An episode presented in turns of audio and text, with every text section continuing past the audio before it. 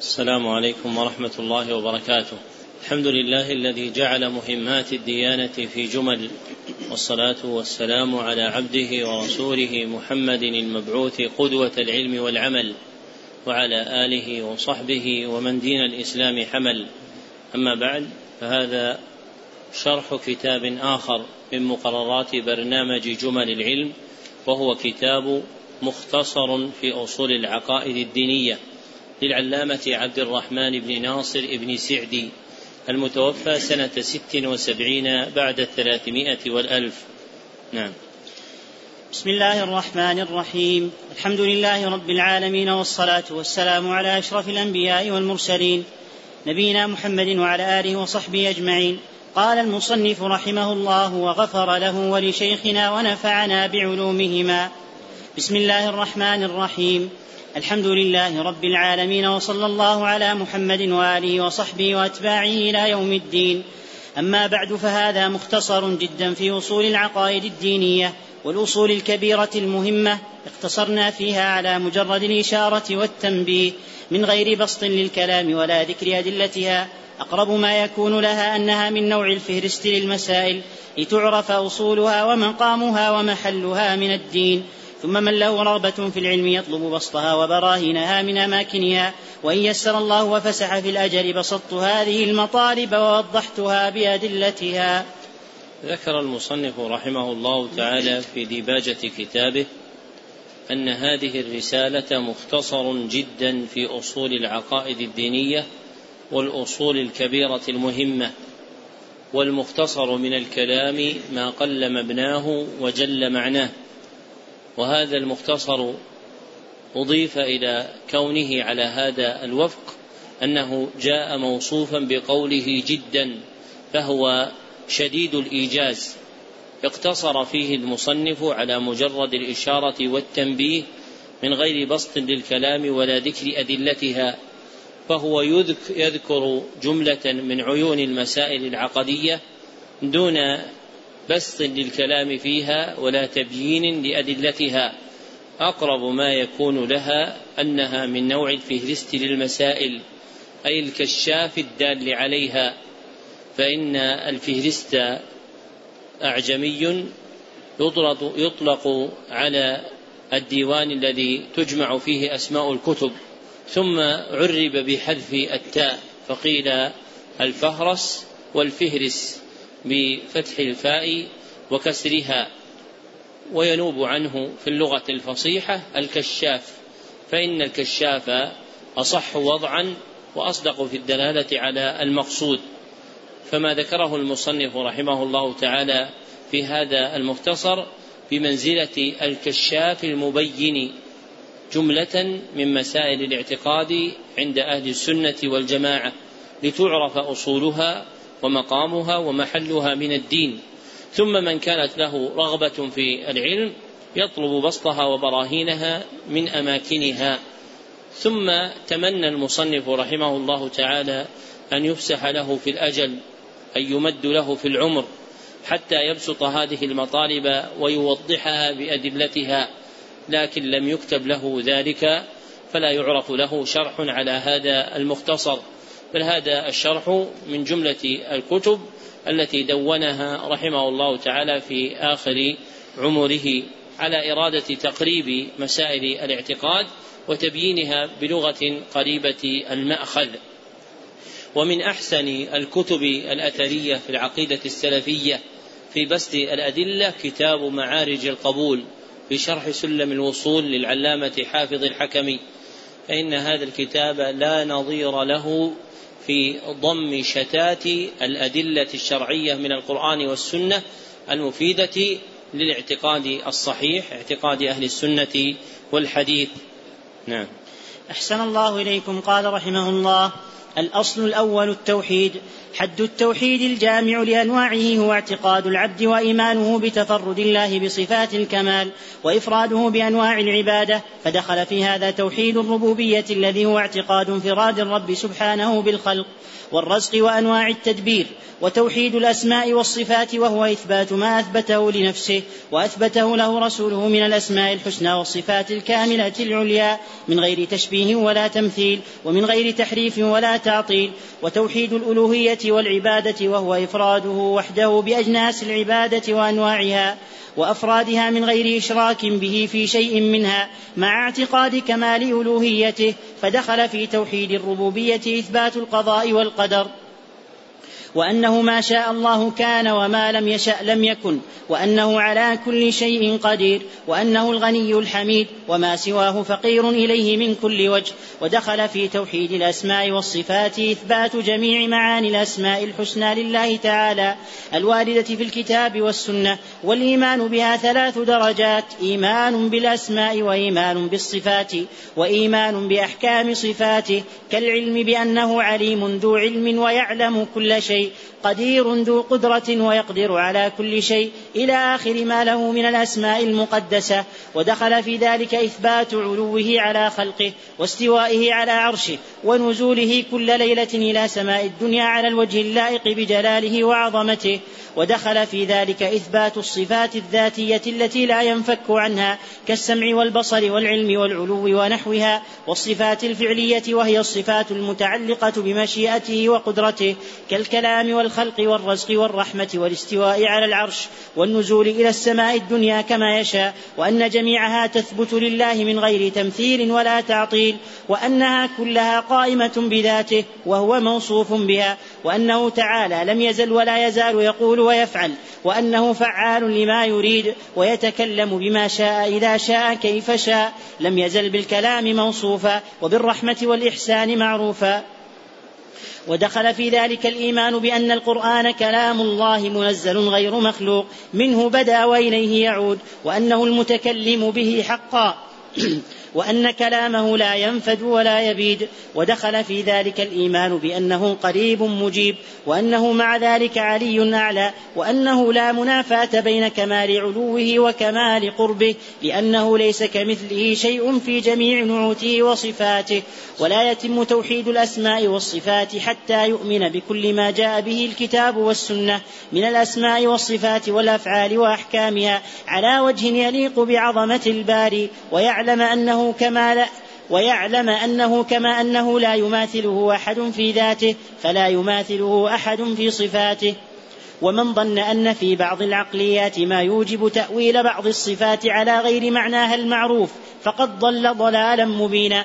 ولا يتم توحيد الربوبية حتى يعتقد العبد أن أفعال العباد مخلوقة لله وأن مشيئتهم تابعة لمشيئة الله وأن لهم أفعالا وإرادة تقع بها أفعالهم وهي متعلق الأمر والنهي وأنه لا يتنافى الأمران إثبات مشيئة الله العامة الشاملة للذوات والأفعال.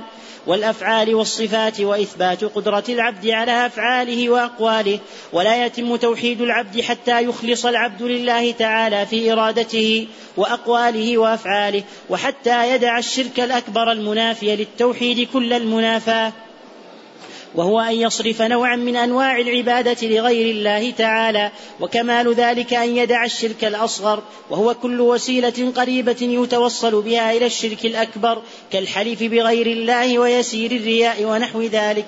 والناس في التوحيد على درجات متفاوتة بحسب ما قاموا به من معرفة الله والقيام بعبوديته فأكملهم في هذا الباب من عرف من تفاصيل أسماء الله وصفاته وأفعاله وآلائه ومعانيها الثابتة في الكتاب والسنة وفهمها فهما صحيحا فامتلأ قلبه من معرفة الله وتعظيمه وإجلاله ومحبته والإنابة إليه وانجذب وانجذاب جميع دواعي قلبه إلى الله تعالى متوجها إليه وحده لا شريك شريك له ووقعت جميع حركاته وسكناته في كمال الإيمان. والإخلاص التام الذي لا يشوبه شيء من الأغراض الفاسدة. فاطمأن إلى الله معرفة وإنابة وفعلا وتركا وتكميلا لنفسه وتكميلا لغيره بالدعوة إلى هذا الأصل العظيم. فنسأل الله من فضله وكرمه أن يتفضل علينا بذلك. رتب المصنف رحمه الله تعالى هذا المختصر في خمسة أصول. جعل طليعتها الأصل الأول وهو التوحيد لجلالة شأنه وعلو رتبته فإن المقدم يقدم.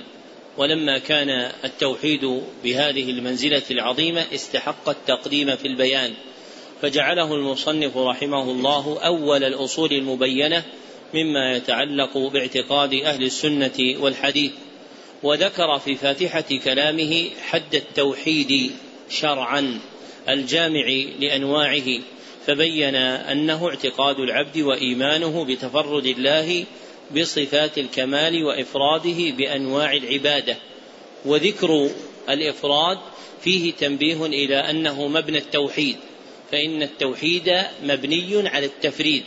وحقيقته الشرعية كما سلف تقع على معنيين.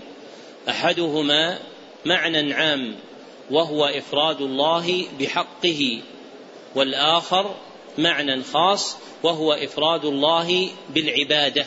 فإن التوحيد يرد في الخطاب الشرعي على إرادة معناه العام وهو إفراد الله بما له من حق. ويأتي تارة أخرى على إرادة حق خاص وهو حق العبادة فيكون التوحيد شرعا آتيا على هذين المعنيين العام والخاص. وسلف أن حقوق الله عز وجل ثلاثة أحدها حق الألوهية وثانيها حق الربوبية وثالثها حق الأسماء والصفات. فيكون ذكرها تفسيرا للإجمال المتقدم في قولنا التوحيد بمعناه العام هو إفراد الله بحقه يعني بهذه الحقوق الثلاثة الثابتة بالاستقراء من دلائل الكتاب والسنة. ثم ذكر المصنف رحمه الله تعالى بعد ما يدخل في توحيد الربوبية وتوحيد الأسماء والصفات وتوحيد الألوهية. وهذه الأنواع الثلاثة من التوحيد مبنية على الحقوق الثلاثة المتقدمة. فإنه إذا كان لله عز وجل ثلاثة حقوق فإن الواجب على العبد فيها هو ثلاثة أنواع من التوحيد. أحدها توحيد الربوبية وثانيها توحيد الأسماء والصفات وثالثها توحيد الألوهية. فإذا أريد معرفة الدليل الدال على هذه الأنواع الثلاثة فإنه الدليل الذي أرشد إلى ثبوت تلك الحقوق لله عز وجل. فإن المستقرئ للكتاب والسنة والسنة مع براء ذمته وصفاء قلبه من دواعي البدع والشبهات يوقن بأن في الكتاب والسنة ما يدل على إثبات حق لله في ربوبيته وحق له في أسمائه وصفاته وحق له في ألوهيته. وإذا ثبتت هذه الحقوق كان الواجب على العبد حينئذ أن يوحد الله في ربوبيته وأن يوحده في أسمائه وصفاته وأن يوحده في ألوهيته. ولأجل هذا ذكر المصنف كل واحد من هذه الأنواع الثلاثة فقال في أولها فدخل في هذا توحيد الربوبية الذي هو اعتقاد انفراد الرب سبحانه بالخلق والرزق وأنواع التدبير. وهذه المذكورات هي من أفعال الله عز وجل. ولهذا يقال اختصارا إن توحيد الربوبية شرعا هو إفراد الله إيش؟ هي هو إفراد الله بأفعاله. طيب وإفراده في ذاته. أسماء والصفات هذه أوصاف وأسماء للذات. فتوحيد الربوبية هو إفراد الله بذاته وأفعاله. هو إفراد الله بذاته وأفعاله. ثم ذكر توحيد الأسماء والصفات وبين أنه إثبات ما أثبته لنفسه وأثبته له رسوله صلى الله عليه وسلم من الأسماء الحسنى والصفات الكاملة العليا من غير تشبيه ولا تمثيل ومن غير تحريف ولا تعطيل. وتقدم قبل أن توحيد الأسماء والصفات شرعا هو إفراد الله بأسمائه الحسنى وصفاته العلى فإن لله عز وجل أسماء وصفات. فيجب على العبد أن يفردها أن يفرده بها. ما الدليل على أن له أسماء؟ قال الله تعالى ولله الأسماء الحسنى. طيب ما الدليل على أن له صفات؟ يعني من قاله؟ هذا ذكرناه قبل نحن صح؟ قال الأخ الدليل ولله المثل الأعلى يعني الوصف الأعلى. فقلت له من قال؟ ما الجواب؟ أنا لا أريد يا إخوان أن تسمعوا مني وتنسبوا القول إلي. أريد أن تسمعوا مني وتنسبوا القول إلى من علمتكم من قاله. لأن كثيرا من الناس قد يرد القول لأنه لا يعرفه. لكن إذا قيل له إن هذا القول قاله فلان سكت. ولجهل الناس بالعلم الصحيح ربما أنكروا علما صحيحا. ومن هذه اللطائف في باب الاعتقاد مما يقع غلطا عند كثيرين ولا أقوله جزافا أن بعض الناس إذا ذكر الكفر الأصغر قال وهو كفر النعمة قال وهو كفر النعمة. قال الإمام أحمد وتسميته ذلك خطأ. ذكره الشيخ محمد بن عبد الوهاب في رسالة له في الدرر السنية. وكنت أعجب من هذا الكلام وعرضته على بعض الشيوخ فظنه وهما. حتى طبع شرح العمدة لأبي العباس بن تيمية الحفيد فإذا فيه نحو ستة أسطر في تحرير هذا المعنى وبيان كلام الإمام أحمد وأن ما شاع عند المتأخرين من تسمية الكفر الأصغر بكفر النعمة أنه خطأ. فإذا أردت أن تنقل هذا العلم فلا تقل قال صالح. ولكن قل قال الإمام أحمد وبينه أبو العباس بن تيمية في كتاب العمدة لأن المعاصرة حرمان. والمقصود دلالة الناس على الحق لا دلالتهم على الأشخاص. ولهذا ذكرنا لكم فيما قبل أن قول الله تعالى ولله المثل الأعلى يعني الوصف الأعلى أن هذا جاء عن ابن عباس واختاره أبو عبد الله ابن القيم رحمه الله تعالى. فيكون توحيد الأسماء والصفات شرعا هو إفراد الله بأسمائه الحسنى وصفاته العلى. وأما توحيد الألوهية فذكره المصنف رحمه الله بقوله وهو إفراده وحده بأجناس العبادة وأنواعها وأفرادها من غير إشراك به في شيء منها. إلى آخر ما قال وتقدم قبل أن توحيد الألوهية شرعا هو إفراد الله بالعبادة. ثم شرع المصنف رحمه الله تعالى يبين جملا من القول المتصلة بهذه الأنواع الثلاثة فقال فدخل في توحيد الربوبية إثبات القضاء والقدر. فالقضاء والقدر فرد من أفراد توحيد الربوبية. ووجه ذلك ما ذكره الإمام أحمد في قوله القدر قدرة الله.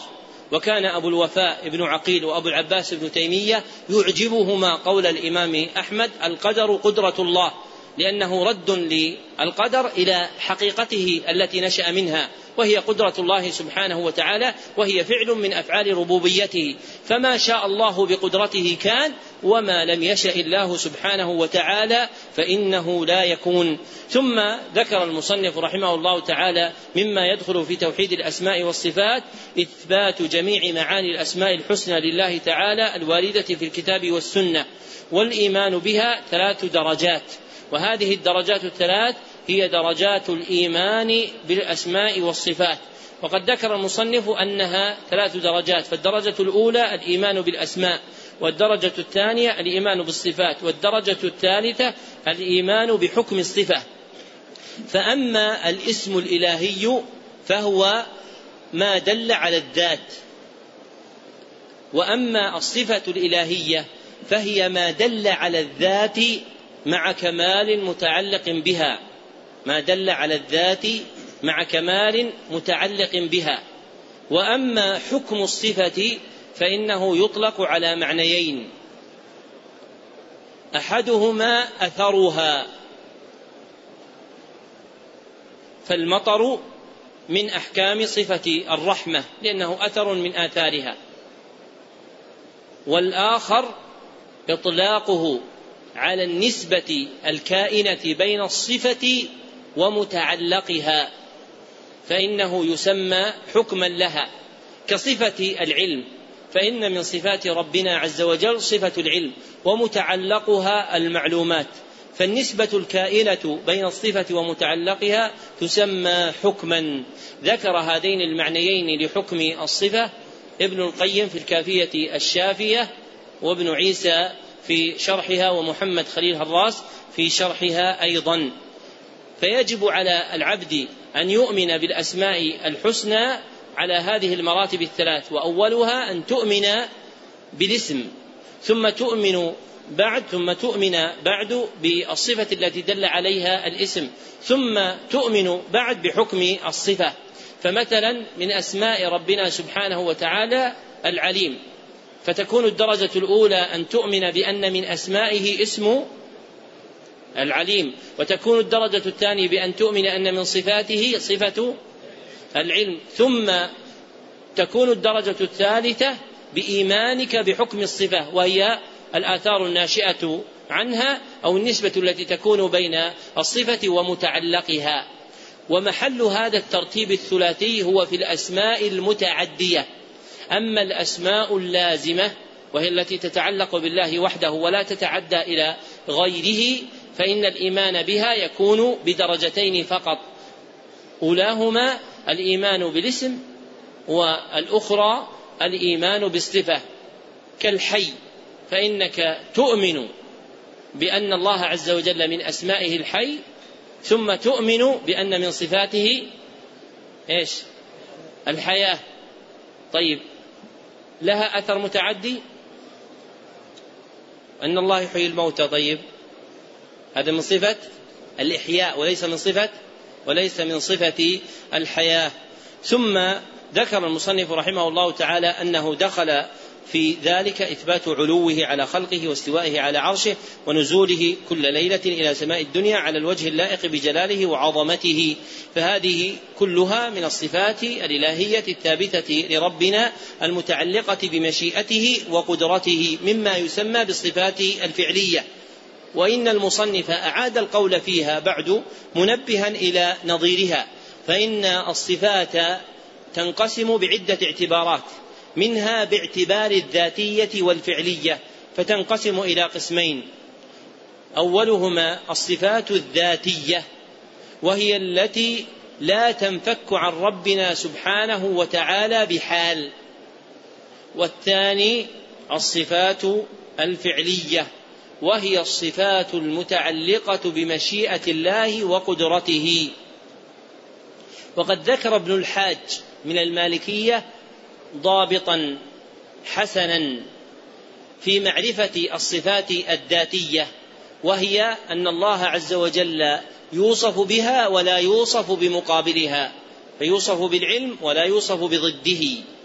انتهى كلامه. بخلاف الصفات الفعلية فإن الله قد يوصف بالمتقابلات من الصفات فيوصف سبحانه وتعالى بصفة الغضب والمقت ويوصف سبحانه وتعالى أيضا بصفة الرحمة واللطف فيوصف الله عز وجل بهذا وهذا باعتبار ما جاء من الأدلة الشرعية. ومعنى قول المصنف رحمه الله وانها كلها قائمة بذاته أي غير بائنة منه. فهو موصوف بها سبحانه وتعالى. ثم ذكر رحمه الله مما يندرج في هذا أنه تعالى لم يزل ولا يزال يقول ويفعل وأنه فعال لما يريد ويتكلم بما شاء إذا شاء كيف شاء. لم يزل بالكلام موصوفا وبالرحمة والإحسان معروفا. فمن صفات ربنا سبحانه وتعالى صفة الكلام فهو يتكلم بما شاء إذا شاء كيف شاء. ودخل في ذلك الإيمان بأن القرآن كلام الله منزل غير مخلوق لأن القرآن من صفة كلام ربنا سبحانه وتعالى وذلك يقتضي كونه منزلا منه سبحانه وتعالى غير مخلوق منه بدأ. وهذه الكلمة فيها ضبطان أحدهما بالهمز من البدء والثاني بدون همز من البدو. يعني الظهور وكلاهما ضبطان صحيحان. معناهما أن الله عز وجل تكلم بالقرآن فالقرآن مبتدئ منه سبحانه وتعالى وإليه يعود أي يرجع في آخر الزمان برفعه من السطور والصدور. فإن هذا أحسن المعاني الثلاثة المذكورة عند أهل السنة فيه. وقد نقل جماعة الإجماع عليه وصنف الضياء المقدسي كتابا لطيفا اسمه اختصاص القرآن الكريم بعوده إلى الرحمن الرحيم. ذكر ما جاء من الأحاديث والآثار في هذا المعنى. ثم ذكر المصنف أنه دخل في ذلك الإيمان بأن الله قريب مجيب وأنه مع ذلك علي أعلى. فلا منافاة بين كمال علوه وكمال قربه. لأنه ليس كمثله شيء في جميع نعوته وصفاته. وهذا معنى قول أبي العباس بن تيمية الحفيد رحمه الله علي في دنوه قريب في علوه. لأن الله عز وجل له من كمال الصفة ما لا يكون لغيره وصفته سبحانه وتعالى فوق مدارك العقول وقياسها. وما ذكره رحمه الله تعالى في وصف القرب لله عز وجل مختص بالمؤمنين في أصح قولي أهل السنة فإن قرب الله عز وجل واحد وهو قربه من أوليائه بالتسديد والتوفيق والإعانة. وليس من القرب قرب عام بالعلم والإحاطة فإن هذا المعنى أجنبي عن دلالة الكتاب والسنة. وما جاء من ظواهر الآيات المتوهم منها خلاف هذا المعنى فإنما يراد بها قرب ملائكة الله سبحانه وتعالى. كقوله تعالى ونحن أقرب إليه من حبل الوريد يعني نحن بملائكتنا أقرب إليه من حبل الوريد. فصفة القرب صفة مختصة بالمؤمنين فقط. أفاده أبو العباس ابن تيمية الحفيد وحفيده بالتلمذة أبو الفرج ابن رجب رحمهم الله تعالى. ثم ذكر المصنف رحمه الله تعالى أنه لا يتم توحيد الأسماء والصفات حتى يؤمن العبد بكل ما جاء في الكتاب والسنة من الأسماء والصفات والأفعال وأحكامها على وجه يليق بعظمة الباري ويعلم أنه كما أنه لا يماثله أحد في ذاته فلا يماثله أحد في صفاته. فهذه السابلة المقول بها في هذه المسألة في تنزيه صفات الله سبحانه وتعالى عن كل ما تتوهمه الخواطر والأوهام مبنية على القول في حجب العلم بذاته عنا. فكما أننا لا نعلم حقيقة ذاته العلية فإننا لا نعلم حقائق صفاته الإلهية وإنما ندرك معانيها. وهذا معنى قول أهل العلم القول في الصفات فرع عن القول في الذات. أي كما يقال إن الذات يمتنع العلم بها لحجبها عنا فكذلك الصفات في حقائقها وكيفياتها لا في معانيها هي محجوبة عنا.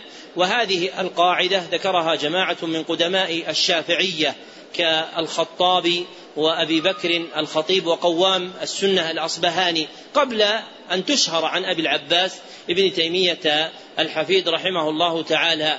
وأشار إليها ابن عدود في نظمه إذ قال وما نقول في صفات قدسه فرع الذي نقوله في نفسه فإن يقل جهميهم كيف يجئ كيف استوى فقل له فإن يقل جهميهم كيف استوى كيف يجيء فقل له كيف هو. ثم ذكر المصنف أن من ظن أن في بعض العقليات يعني الدلالات العقلية ما يوجب تأويل بعض الصفات على غير معناها المعروف فقد ضل ضلالا مبينا.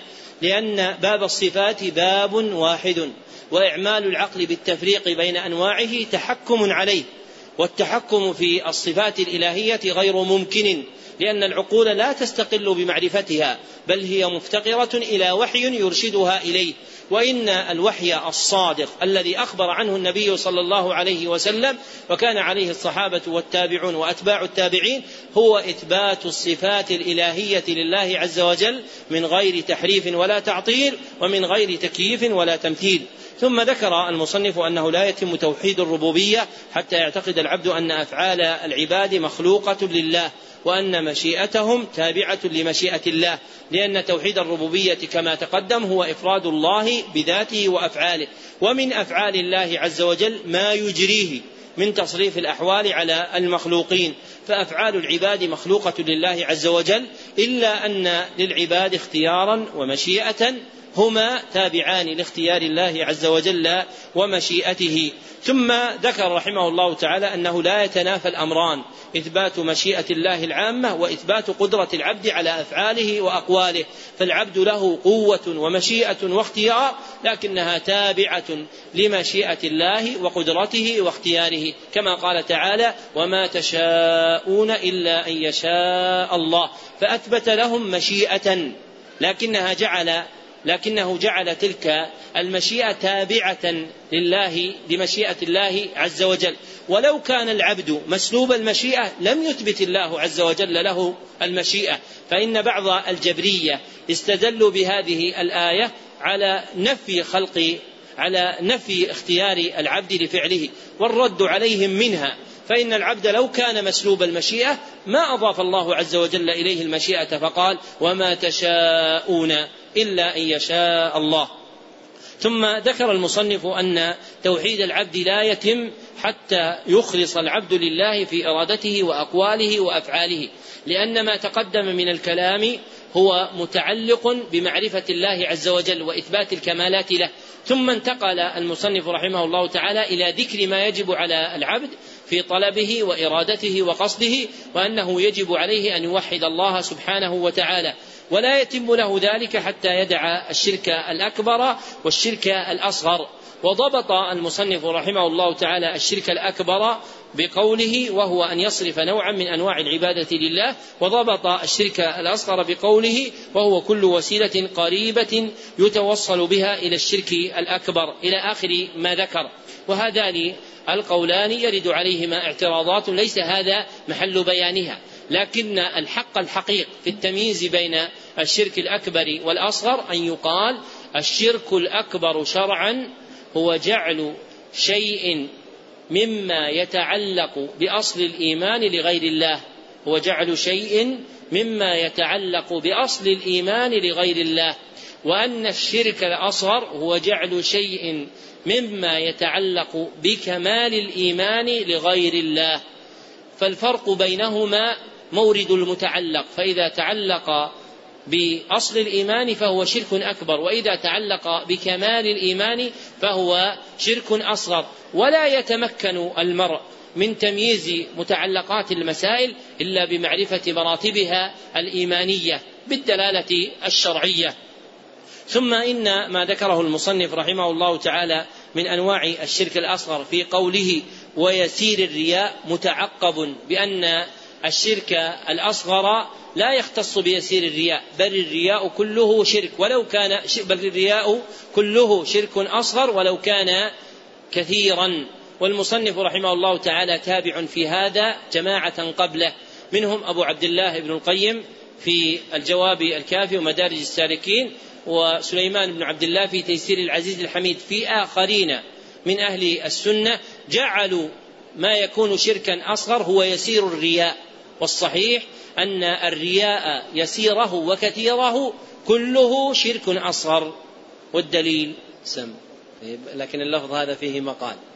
الحجة ما رواه الحاكم في المستدرك عن شداد بن أوس رضي الله عنه قال كنا نعد الرياء على عهد رسول الله صلى الله عليه وسلم من الشرك الأصغر وإسناده حسن.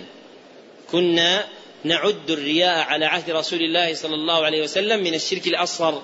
وهذا الأثر فيه فوائد كثيرة. منها ما سلف التنبيه إليه من أن الرياء باعتبار الفعل سواء قل أو كثر فهو شرك أصغر. لكن الذي أشكل على هؤلاء الآيات التي جاءت في وصف المنافقين بالرياء. وتلك متعلقها العامل وليس متعلقها العمل كما بيانه في محل آخر بإذن الله. وفيه من الفوائد التنبيه إلى أن قسمة الشرك إلى أكبر وأصغر ليست من بنيات أفكار ابن تيمية أو ابن عبد الوهاب بل هي عقيدة أثرية ثابتة عن الصحابة رضي الله عنهم فمن بعدهم من أئمة الهدى. وهذا هو الواجب على العبد أن يعرف أن العقيدة التي يعتقدها لا تضاف إلى أحد. وإنما هي ما تضمنه الكتاب والسنة وما كان عليه الصدر الأول من الصحابة والتابعين وأتباع التابعين. ولهذا درج أهل السنة على عدم نسبة العقائد إلى أحد منهم لأنها عقيدة الصدر الأول من الصحابة والتابعين وأتباع التابعين. ثم ذكر المصنف بعد أن الناس في التوحيد على درجات متفاوتة بحسب ما قاموا به من معرفة الله والقيام بعبوديته فأكملهم في هذا الباب من عرف من تفاصيل أسماء الله وصفاته وآلائه ومعانيها الثابتة في الكتاب والسنة وفهمها فهما صحيحا فامتلأ قلبه من معرفة الله وتعظيمه وإجلاله إلى آخر ما ذكر. والمقصود أن الخلق في توحيد الله عز وجل درجات وأن أحدنا يزيد توحيده ويقوى تارة ويضعف توحيده وينقص تارة أخرى. فحاجة العبد إلى التوحيد أشد من حاجته إلى الطعام والشراب وهو مفتقر إليه في معرفة الله سبحانه وتعالى. فكلما زاد علمه بالله عز وجل وصفاته وأمره زاد توحيده وإقباله على الله سبحانه وتعالى. نعم. أحسن الله إليكم. قال رحمه الله الأصل الثاني الإيمان بنبوة جميع الأنبياء عموما ونبوة محمد صلى الله عليه وسلم خصوصا. وهذا الأصل مبناه على أن يعتقد ويؤمن بأن جميع الأنبياء قد اختصهم الله بوحيه وإرساله وجعلهم وسائط بينه وبين خلقه في تبليغ شرعه ودينه. وأن الله أيدهم بالبراهين الدالة على صدقهم وصحة ما جاءوا به وأنهم أكمل الخلق علما وعملا وأصدقهم وأبرهم وأكملهم أخلاقا وأعمالا وأن الله خصهم بخصائص وفضائل لا يلحقهم فيها أحد وأن الله برأهم من كل خلق رذيل وأنهم معصومون فيما يبلغون عن الله تعالى وأنه لا يستقر في خبرهم وتبليغهم إلا الحق والصواب وأنه يجب الإيمان بهم وبكل ما أوتوه من الله ومحبتهم وتعظيمهم وأن هذه الأمور ثابتة لنبينا محمد صلى الله عليه وسلم على أكمل الوجوه وأنه يجب معرفة جميع ما جاء به من الشرع جملة وتفصيلا والإيمان بذلك والتزام طاعته في كل شيء بتصديق خبره وامتثال أمره واجتناب نهيه ومن ذلك أنه خاتم النبيين قد نسخت شريعته جميع الشرائع وأن نبوته وشريعته باقية إلى قيام الساعة فلا نبي بعده ولا شريعة غير ولا شريعة غير ولا شريعة غير شريعته في أصول الدين وفروعه ويدخل في الإيمان بالرسل الإيمان بالكتب فالإيمان بمحمد صلى الله عليه وسلم يقتضي الإيمان بكل ما جاء به من الكتاب والسنة ألفاظها ومعانيها. فلا يتم الإيمان به إلا بذلك وكل من كان أعظم علما بذلك وتصديقا واعترافا وعملا كان أكمل إيمانا. والإيمان بالملائكة والقدر داخل في هذا الأصل العظيم ومن تمام الإيمان به أن يعلم أن ما جاء به حق. لا يمكن أن يقوم دليل عقلي أو حسي على خلافه كما لا يقوم دليل نقلي على خلافه. فالأمور العقلية أو الحسية النافعة تجد دلالة الكتاب والسنة مثبتة لها حاثة على تعلمها وعملها وغير النافع من المذكورات ليس فيها ما ينفي وجودها وإن كان الدليل الشرعي ينهى ويذم الأمور الضارة منها ولا يدخل في الإيمان بما جاء به الرسول صلى الله عليه وسلم بل وسائر الرسل. ذكر المصنف رحمه الله تعالى أصلا آخر من الأصول المراد بيانها في هذا المختصر وهو الإيمان بنبوة جميع الأنبياء عموما ونبوة محمد صلى الله عليه وسلم خصوصا لأنه المبعوث إلينا.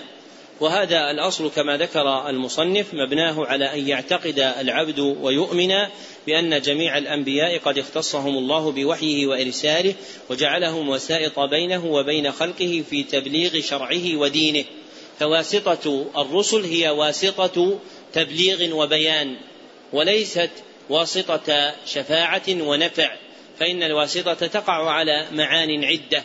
بسطها أبو العباس بن تيمية الحفيد في رسالة الواسطة بين الله وخلقه والمراد منها في هذا المقام هي واسطة البلاغ والبيان. فإن الله عز وجل اصطفى من شاء من خلقه وجعلهم رسلا بينه وبين الخلق.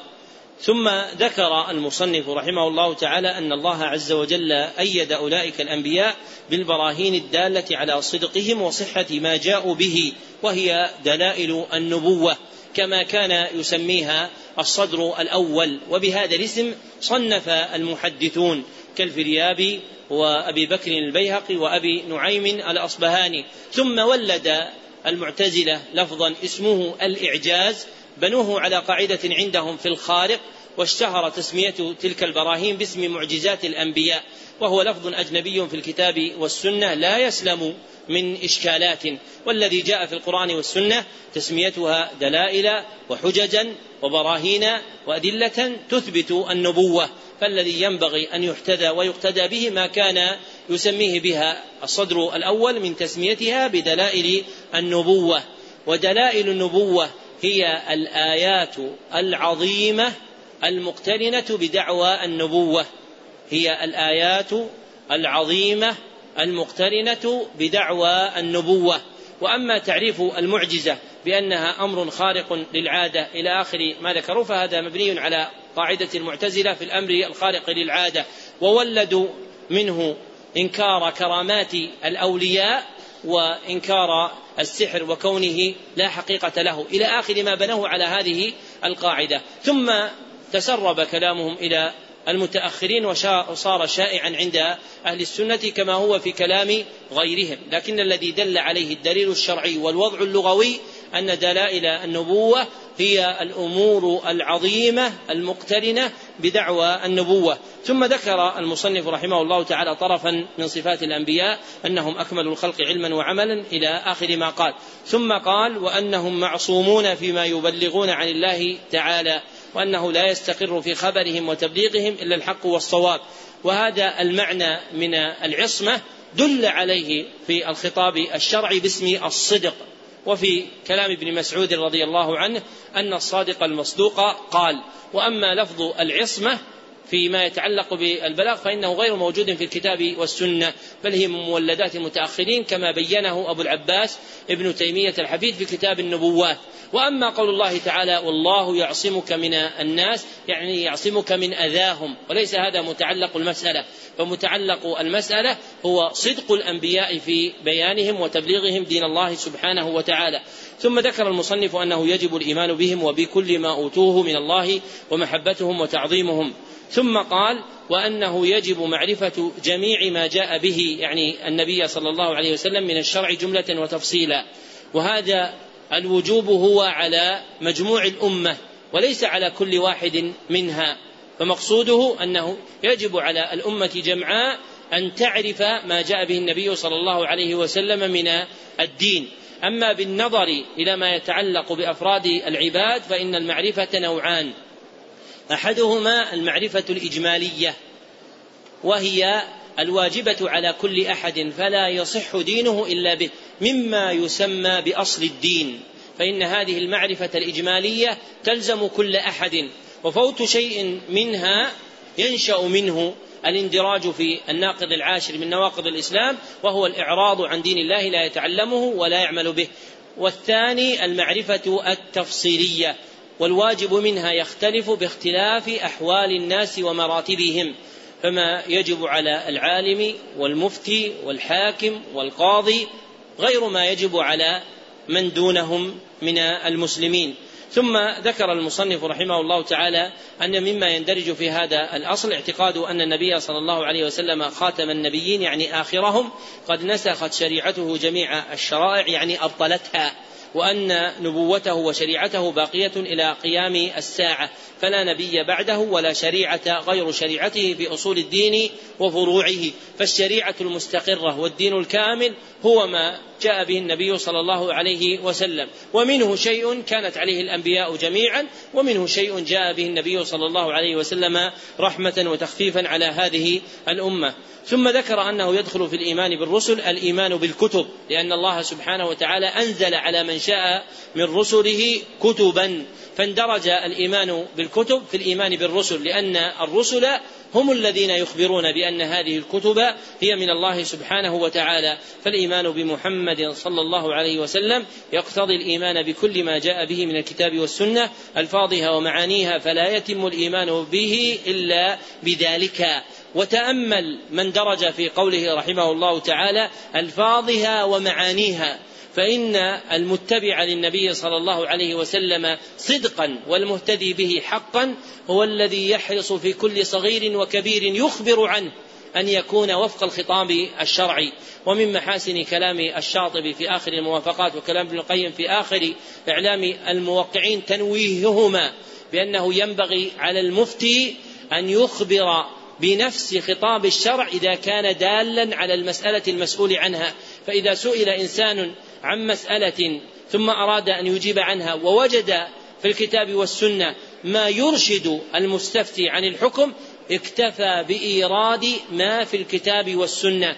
ولأجل هذا قل كلام الصدر الأول. فكان السلف رحمهم الله تعالى كلامهم قليل وعلمهم كثير.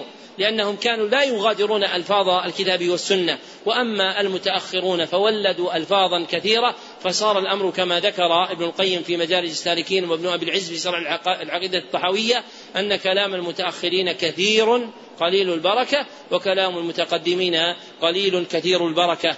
ثم ذكر المصنف رحمه الله تعالى أن الإيمان بالملائكة والقدر داخل في هذا الأصل العظيم لأن الأنبياء يعلمون بملائكة تنزل عليهم وتكون لهم معهم معاملات كجبريل عليه الصلاة والسلام. فالإيمان بالملائكة تابع للإيمان بالرسل وكذلك الإيمان بالقدر لأن الأنبياء أخبروا عن جريان الأمور بقدر الله سبحانه وتعالى فصار تابعا للإيمان بهم. ثم ذكر المصنف أنه من تمام الإيمان بالنبي صلى الله عليه وسلم أن يعلم أن ما جاء به حق. لا يمكن أن يقوم دليل عقلي أو حسي على خلافه كما لا يقوم دليل نقلي على خلافه. فلا يمكن أن يكون شيء من هديه ودينه صلى الله عليه وسلم جاء على خلاف الأدلة الشرعية أو البراهين العقلية. وإذا وجد شيء من الكلام مما يتوهم منه مخالفة بعضه بعضا في حديثه صلى الله عليه وسلم أو لما جاء في كتاب الله عز وجل أو من أو لما دلت عليه قواطع الأدلة العقلية كما يسميها أربابها فإن المقطوع به عند المؤمنين أنه لا يوجد ذلك أبدا أبدا إلا في أذهان الخلق. أما في حقيقة الأمر فإنها لا توجد. ولذلك كره بعض الفطناء أن يقال الآيات والأحاديث المتعارضة لأنها لا تكون كذلك وإنما يقال الآيات والأحاديث المتوهم. تعارضها فإن المجتهد الناظر فيها هو الذي يتوهم ذلك. وأما بينها فإنه لا يوجد في كلام الله ولا في كلام النبي صلى الله عليه وسلم ما يعارض بعضه بعضا وكذلك لا يمكن أن يكون شيء من الدلائل النقلية مخالفا للأدلة العقلية الصريحة الصحيحة. نعم. أحسن الله إليكم. قال رحمه الله ويدخل في الإيمان بما جاء به الرسول صلى الله عليه وسلم بل وسائر الرسل. الأصل الثالث الإيمان باليوم الآخر.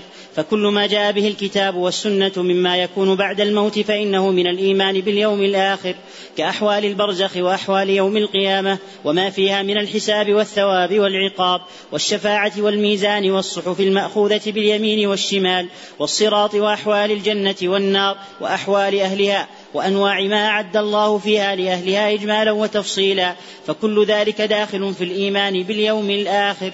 ذكر المصنف رحمه الله تعالى الأصل الثالث من الأصول الخمسة المذكورة في كتابه وهو الإيمان باليوم الآخر. ثم حد ذلك بقوله فكل ما جاء به الكتاب والسنة مما يكون بعد الموت فإنه من الإيمان باليوم الآخر.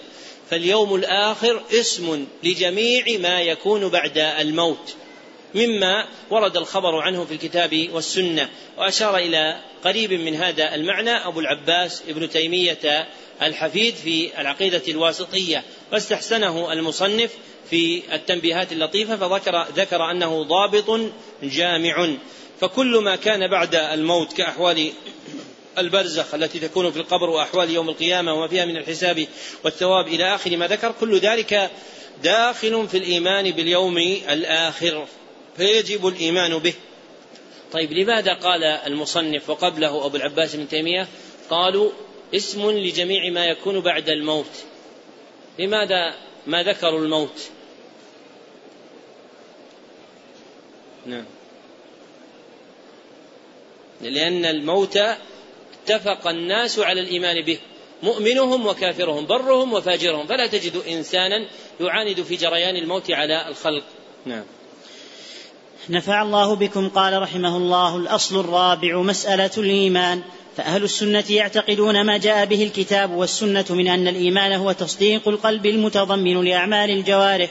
فيقولون الإيمان اعتقادات القلوب وأعمالها وأعمال الجوارح وأقوال اللسان وأنها كلها من الإيمان وأن من أكملها ظاهرا وباطنا فقد أكمل الإيمان ومن انتقص شيئا منها فقد انتقص من إيمانه. وهذه الأمور بضع وسبعون شعبة أعلاها قول لا إله إلا الله وأدناها إماطة الأذى عن الطريق والحياء شعبة من الإيمان. ويرتبون على هذا الأصل أن الناس في الإيمان درجات مقربون وأصحاب يمين وظالمون لأنفسهم بحسب مقاماتهم من الدين والإيمان وأنه يزيد وينقص فمن فعل محرما أو ترك واجبا نقص إيمانه الواجب ما لم يتب إلى الله. ويرتبون على هذا الأصل أن الناس ثلاثة أقسام منهم من قام بحقوق الإيمان كلها فهو المؤمن حقا ومنهم من تركها كلها فهذا كافر بالله تعالى ومنهم من فيه إيمان وكفر أو إيمان ونفاق أو خير وشر ففيه من ولاية الله واستحقاقه لكرامته بحسب ما معه من الإيمان وفيه من عداوة الله واستحقاقه لعقوبة الله بحسب بحسب ما ضيعه من الإيمان. ويرتبون على هذا الأصل العظيم أن كبائر الذنوب وصغائرها التي لا تصل التي لا تصل بصاحبها إلى الكفر تنقص إيمان العبد من غير أن تخرجه من دائرة الإسلام ولا يخلد في نار جهنم. ولا يطلقون عليه الكفر كما تقول الخوارج أو ينفون عنه الإيمان كما تقوله المعتزلة بل يقولون هو مؤمن بإيمانه فاسق بكبيرته فمعه مطلق الإيمان وأما الإيمان المطلق فينفى عنه وبهذه وبهذه الأصول يحصل وبهذه الأصول يحصل الإيمان بجميع نصوص الكتاب والسنة. ويترتب على هذا الأصل أن الإسلام يجب ما قبله وأن التوبة تجب ما قبلها. وأن من ارتد ومات على ذلك فقد حبط عمله. ومن تاب تاب الله عليه. ويرتبون أيضا على هذا الأصل صحة الاستثناء في الإيمان. فيصح أن يقول أنا مؤمن إن شاء الله لأنه يرجو من الله تعالى تكميل إيمانه فيستثني لذلك. ويرجو الثبات على ذلك إلى الممات. فيستثني من غير شك منه بحصول أصل الإيمان. ويرتبون أيضا على هذا الأصل أن الحب والبغض أصله ومقداره تابع للإيمان وجودا وعدما وتكميلا ونقصا ثم يتبع ذلك الولاية والعداوة. ولهذا من الإيمان الحب في الله والبغض في الله والولاية والولاية لله والعداوة لله. ويترتب على الإيمان أن يحب لأخيه ما يحب لنفسه ولا يتم الإيمان إلا به. ويترتب على ذلك أيضا محبة اجتماع المؤمنين والحث على التآلف والتحابب وعدم التقاطع ويبرأ أهل السنة والجماعة من التعصبات والتفرق والتباغض ويرون أن هذه القاعدة من أهم قواعد الإيمان ولا يرون الاختلاف في المسائل التي لا تصل إلى كفر أو بدعة موجبة للتفرق ويترتب على الإيمان محبة أصحاب النبي صلى الله عليه وسلم بحسب مراتبهم وعملهم وأن لهم من الفضل والسوابق والمناقب ما فضلوا به على سائر الأمة. ويدينون بمحبتهم ونشر فضائلهم ويمسكون عما شجر بينهم وأنهم أولى الأمة بكل خصلة حميدة وأسبقهم إلى كل خير وأبعدهم عن كل شر ويعتقدون أن الأمة لا تستغني عن إمام يقيم لها دينها ودنياها ويدفع عنها عادية المعتدين ولا تتم إمامته إلا بطاعته في غير معصية الله تعالى ويرون أنه لا يتم الإيمان إلا بالأمر بالمعروف والنهي عن المنكر باليد وإلا باللسان وإلا فبالقلب على حسب مراتبه الشرعية وطرقه المرعية وبالجملة فيرون القيام بكل الأصول الشرعية على هذا الوجه الشرعي من تمام الإيمان والدين. ذكر المصنف رحمه الله تعالى الأصل الرابع من أصول هذا المختصر وهو مسألة الإيمان فأخبر أن أهل السنة يعتقدون ما جاء به الكتاب والسنة من أن الإيمان هو تصديق القلب والمراد به التصديق المستقر الجازم المتضمن لأعمال الجوارح فيقولون الإيمان اعتقادات القلوب وأعمالها وأعمال الجوارح وأقوال اللسان وأنها كلها من الإيمان وهذا معنى قولهم الإيمان قول وعمل وتقدم بسط معناه في غير هذا المقام. وأن من أكملها وأن من أكملها ظاهرا وباطنا فقد أكمل الإيمان ومن انتقص شيئا منها فقد انتقص من إيمانه. ثم ذكر أن هذه الأمور المتعلقة بحقيقة الإيمان بضع وسبعون شعبة والشعبة هي الخصلة والجزء من الشيء والإيمان بضع وسبعون شعبة. هكذا وقع في حديث أبي هريرة عند مسلم ووقع عنده بضع وستون أو وسبعون شعبة على الشك ووقع عند البخاري وبضع وستون والمحفوظ هو لفظ البخاري. أعلاها قول لا إله إلا الله وأدناها إماضة الأذى عن الطريق والحياء شعبة من الإيمان. ثم ذكر المصنف أن الناس في الإيمان يرتبون على درجات مقربون وأصحاب يمين وظالمون لأنفسهم بحسب مقاماتهم من الدين والإيمان. فالناس متفاوتون في حظوظهم من الإيمان. ولأجل ذلك قال المصنف وأنه يزيد وينقص فلزيادته ونقصانه تفاوت الناس فيه. فمن فعل محرما أو ترك واجبا نقص إيمانه الواجب ما لم يتب إلى الله. ثم ذكر أنهم يرتبون على هذا الأصل أن الناس ثلاثة أقسام. فالقسم الأول من قام بحقوق الإيمان كلها وهو المؤمن والقسم الثاني من تركها كلها وهو الكافر والقسم الثالث من فيه إيمان وكفر أو إيمان ونفاق وخير وشر. فاجتمع فيه سبب موجب لمحبته وموالاته وسبب موجب لبغضه ومعاداته.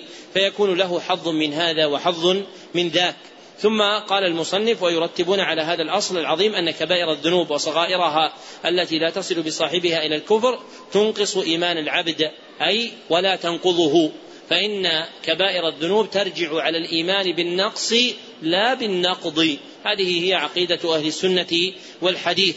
ثم ذكر المصنف رحمه الله تعالى أن أهل السنة لا يخرجون فاعل الكبيرة من دائرة الإسلام ولا يطلقون عليه الكفر كما تقول المعتزلة أو ينفون عنه الإيمان كما تقول المعتزلة بل لهم في ذلك عبارتان.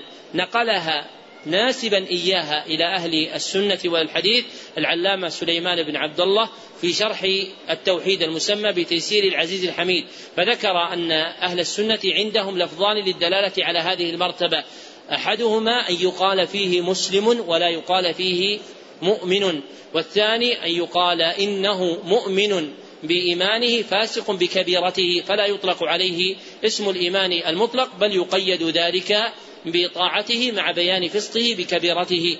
ثم ذكر المصنف أنه بهذه الأصول يحصل الإيمان بجميع نصوص الكتاب والسنة.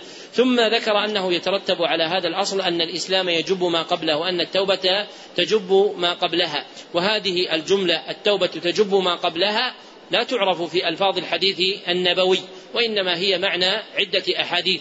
وإنما الوارد في حديث عمرو بن العاص في صحيح مسلم الإسلام يجب ما قبله والحج يجب ما قبله والهجرة تجب ما قبلها. أما هذه اللفظة فليست واردة عن النبي صلى الله عليه وسلم وإن كان معناها صحيحا بدلائله من الكتاب والسنة. ثم ذكر المصنف أنهم يرتبون أيضا على هذا الأصل صحة الاستثناء في الإيمان يعني قول ان شاء الله بعد ذكر الإيمان. فإنهم يريدون ذلك على معان صحيحة. من جملتها رجاء تكميل الإيمان وطلب الثبات عليه فيستثني من غير شك منه بحصول أصل الإيمان. فإذا أطلق الاستثناء على هذا المعنى كان صحيحا وله معان أخرى صحيحة كما أن له معان أخرى فاسدة. لكن مراد أهل السنة منها ما صح ومن جملتها هذا المعنى. ثم ذكر المصنف انه يرتبون على هذا الأصل أن الحب والبغض أصله ومقداره تابع للإيمان وجودا وعدما وتكميلا ونقصا فباعتبار قوة الإيمان ونقصه يحصل الحب والبغض والولاء والعداء في الله. ثم ذكر أنه يترتب على الإيمان أن يحب العبد لأخيه ما يحب لنفسه ويترتب على ذلك محبة اجتماع المؤمنين. والحث على التآلف والتحابب وعدم التقاطع. ومعنى اجتماعهم حصول الألفة بينهم لا حصول الوحدة بينهم. فإن وحدة المسلمين مصطلح مولد مخالف للدلائل الشرعية. وإنما الذي جاءت به الشريعة الأمر بالاجتماع لأن الاتحاد غير ممكن. فإن النبي صلى الله عليه وسلم أخبر عن حصول الافتراق بين المسلمين. تقدم القول أن مما يندرج في هذا الأصل محبة اجتماع المؤمنين والحث على التآلف والتحابب وعدم التقاطع بينهم تبعا لما جاء من الأدلة. فهو الأصل الذي حث عليه شرعا. وأما وحدة المسلمين فإنها مصطلح مولد غير ممكن شرعا ولا عقلا. ثم ذكر المصنف أن أهل السنة والجماعة يبرؤون من التعصبات والتفرق والتباغض ويرون أن هذه القاعدة من أهم قواعد الإيمان وهي لزوم الجماعة والحث على الاعتصام بالكتاب والسنة ونبذ الفرقة والاختلاف. ثم ذكر أنهم لا يرون الاختلاف في المسائل التي لا تصل إلى كفر أو بدعة موجبة للتفرق فإن المسائل التي يسع الاجتهاد فيها مما ينبغي أن تتسع الصدور فيها فإن هذا هو الأصل المقرر شرعا إلا أن يقع الإنسان في أمر مجمع على كونه كفرا أو بدعة فإن هذا من موجبات التفرق. قد ذكر الشاطبي في الاعتصام ضابطا صالحا لمعرفة موجب التفرق وهو المخالفة في أصل عظيم من أصول الدين. فإذا وقعت المخالفة في أصل عظيم من أصول الدين عند ذلك وقع التفرق المأمور به شرعا. لأن من المأمور به شرعا نبذ الأهواء وأهلها ودعاتها ووأد مقالتهم في مهجعها. ثم ذكر رحمه الله تعالى أنه يترتب على الإيمان محبة أصحاب النبي صلى الله عليه وسلم ومعرفة فضلهم و إثبات ما لهم من الفضائل والكمالات والإمساك عما شجر بينهم. ثم ذكر مما يندرج في مسألة الإيمان الاعتقاد أن الأمة لا تستغني عن إمام يقيم لها دينها ودنياها ويدفع عنها عادية المعتدين. فلزوم الإمام وطاعته مما جاءت به دلائل الكتاب والسنة إلا أن هذه الطاعة مخصوصة بالطاعة في المعروف كما قال المصنف ولا تتم إمامته إلا بطاعته في غير معصية الله تعالى فأما في المعصية فإنه لا طاعة لأحد ويرون أنه لا يتم الإيمان إلا بالأمر بالمعروف والنهي عن المنكر باليد واللسان وإلا فبالقلب على حسب مراتبه الشرعية وطرقه المرعية. فيأمر الإنسان وينهى لا بحسب رغبته رغبته وهواه وإنما بحسب الدليل الشرعي. وهذا معنى قول أبي العباس بن تيمية الحفيد في العقيدة الواسطية. وهم مع هذه الأصول يأمرون بالمعروف وينهون عن المنكر على ما توجبه الشريعة أي على ما تأمر به الشريعة. نعم. أحسن الله إليكم. قال رحمه الله ومن تمام هذا الأصل الأصل الخامس طريقهم في العلم والعمل وذلك أن أهل السنة والجماعة يعتقدون ويلتزمون أن لا طريق إلى الله وإلى كرامته إلا بالعلم النافع والعمل الصالح. فالعلم النافع هو ما جاء به الرسول صلى الله عليه وسلم من كتاب الله وسنة رسوله صلى الله عليه وسلم فيجتهدون في معرفة معانيها والتفقه فيها أصولا وفروعا ويسلكون جميع طرق الدلالات فيها دلالة المطابقة ودلالة التضمن ودلالة الالتزام ويبذلون قواهم في إدراك ذلك بحسب ما أعطاهم الله ويعتقدون أن هذه هي العلوم النافعة وكذلك ما تفرع عنها من أقيسة صحيحة ومناسبات حكيمة وكل علم أعان على ذلك أو آزره أو ترتب عليه فإنه علم شرعي كما أن ما ضاده وناقضه فهو علم باطل.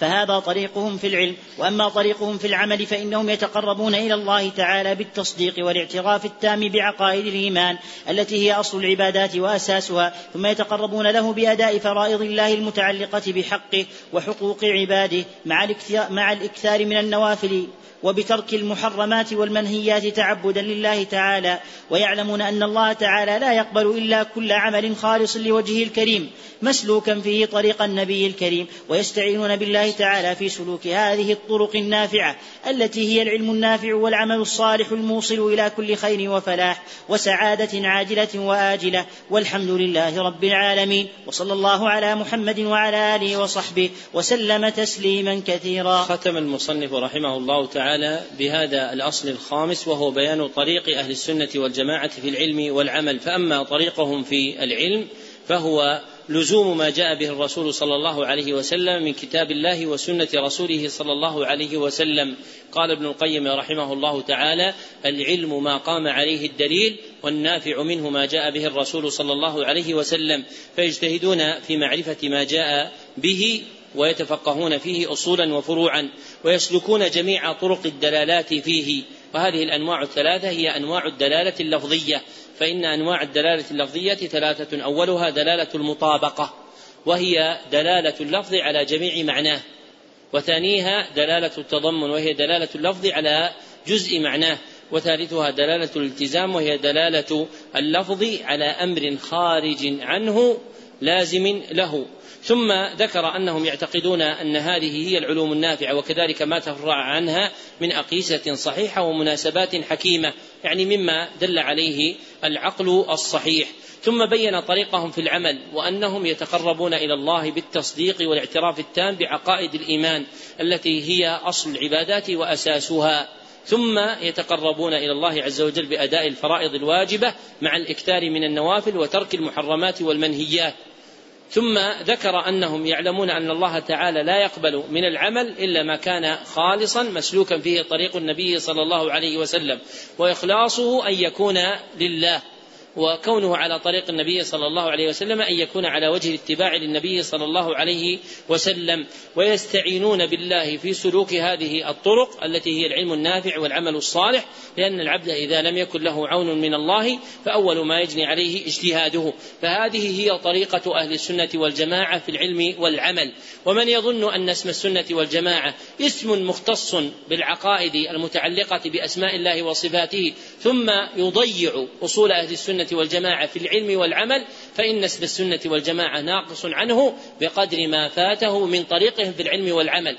وهذه النبذة الأخيرة من الكتاب محتاجة إلى شرح مفرد لعزتها وقلة العناية بها والظن أن طريقة أهل السنة والجماعة هو أن تثبت الأسماء الإلهية والصفات الإلهية فقط فتجده متخلقا بسوء الأخلاق مضيعا لما عليه من الفرائض والواجبات ثم يظن أنه يحرز من اسم السنة والجماعة ما يحرزه التقي النقي الخفي الملتزم بأمر الله عز وجل في العلم والعمل.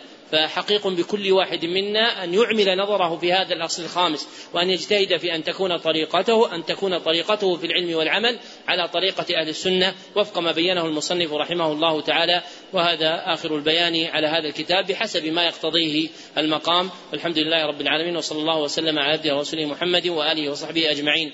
بعد العشاء إن شاء الله تعالى نكون قراءتنا في المعجم المختار.